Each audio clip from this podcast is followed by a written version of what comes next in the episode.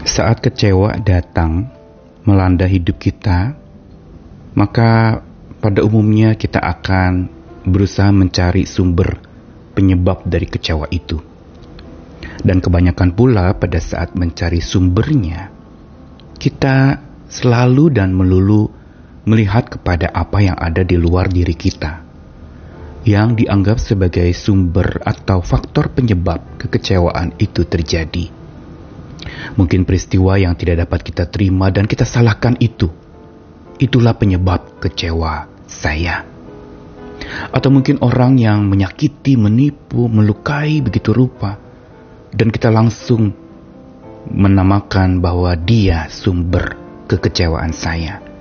Karena dialah saya menjadi seperti ini, terluka dan berduka. Atau masih banyak lagi contoh-contoh di mana saat kita kecewa, kita selalu dan melulu menemukan bahwa sumber kecewa kita dari luar diri kita. Padahal sesungguhnya tidak melulu dan selalu. Karena sumber kecewa kita, sebagaimana kebahagiaan itu ada di dalam hati dan tidak dapat dipengaruhi apa pun juga yang dari luar. Kecewa juga demikian. Kecewa yang justru menjadi begitu keras dan sulit untuk diatasi adalah karena berasal dari dalam diri kita. Karena itu perlu untuk kita bisa belajar. Pertama adalah rendah hati untuk mengakui, menerima bahwa saya kecewa. Rendah hati untuk mengakui dan menerima bahwa di dalam diri saya juga ada faktor penyebab yang membuat saya menjadi kecewa. Saya Nikolas Kurniawan kembali menemani dalam Sabda Tuhan hari ini di dalam Markus pasal yang ke-10 ayat yang ke-22 sampai 23. Mendengar perkataan itu, ia atau orang kaya yang datang kepada Yesus itu menjadi kecewa. Lalu pergi dengan sedih sebab banyak hartanya. Lalu Yesus memandang murid-muridnya di sekelilingnya dan berkata kepada mereka, alangkah sukarnya orang yang beruang masuk ke dalam kerajaan Allah. Kisah di dalam Markus 10 ayat 17 sampai 23 memberikan kepada kita sebuah contoh bagaimana dialog Yesus dengan seseorang yang begitu rindu untuk beroleh hidup yang kekal. Orang ini adalah orang yang beruang. Orang yang boleh dikatakan kekayaannya begitu banyak. Dan Bukan itu saja, dia juga berlimpah-limpah hartanya. Dan ketika dia menanyakan bagaimana caranya untuk beroleh hidup kekal, lalu kata Yesus adalah, lakukan segala perintah Tuhan.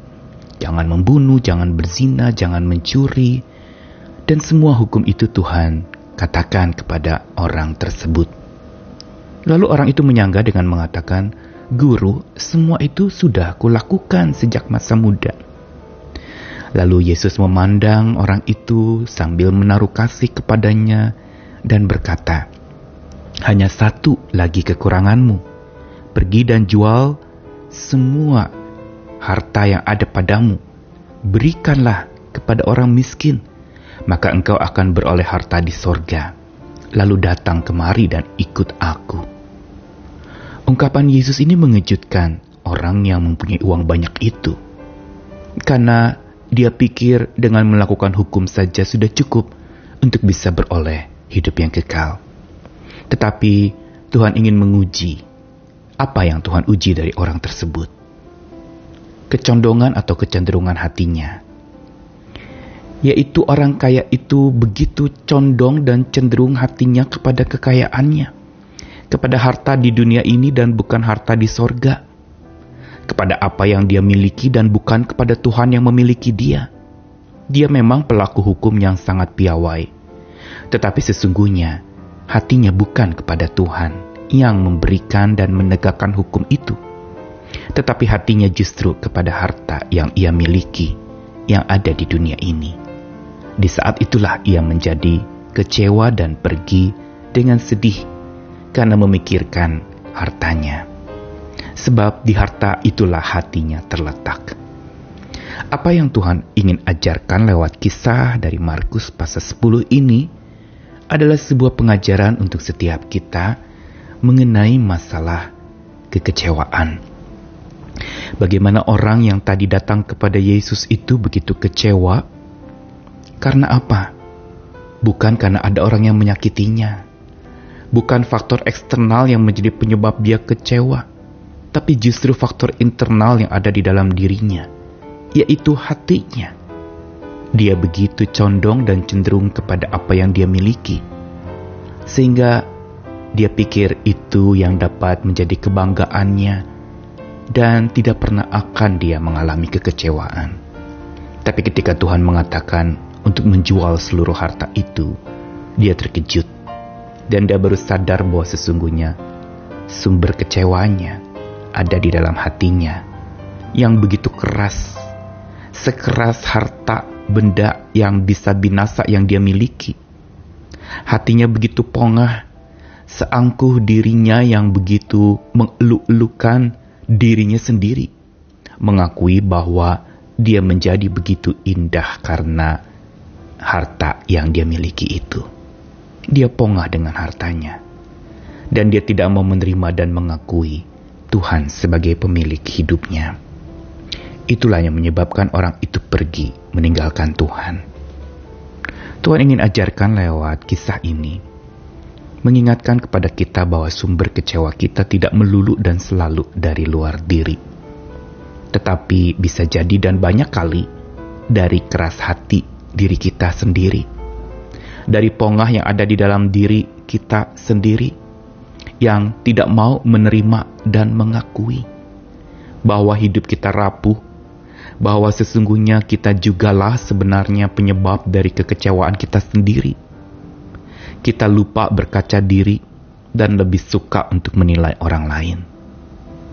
Karena itu, untuk supaya kita bisa pulih dari kecewa di hati kita, kita perlu rendah hati untuk menerima kekecewaan itu terlebih dahulu dan mengakui bahwa diri sedang kecewa.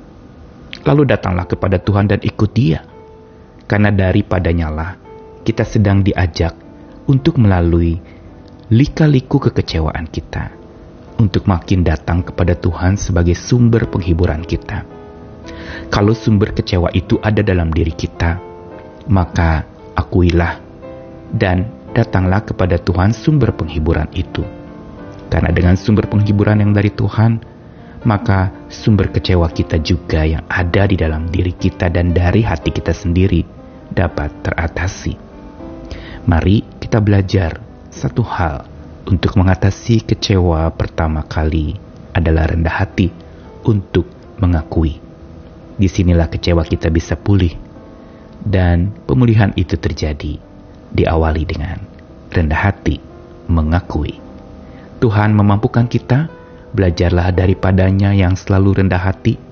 Dia hamba yang mulia, melayani setiap umatnya. Tapi dia juga adalah raja di atas segala raja yang berkuasa atas segala rasa yang dimiliki oleh para pengikutnya. Tuhan mengasihi, Tuhan menghibur, Tuhan menguatkan. Rendah hatilah untuk mengakui dan menerima. Kasih Tuhan memenuhimu. Amin.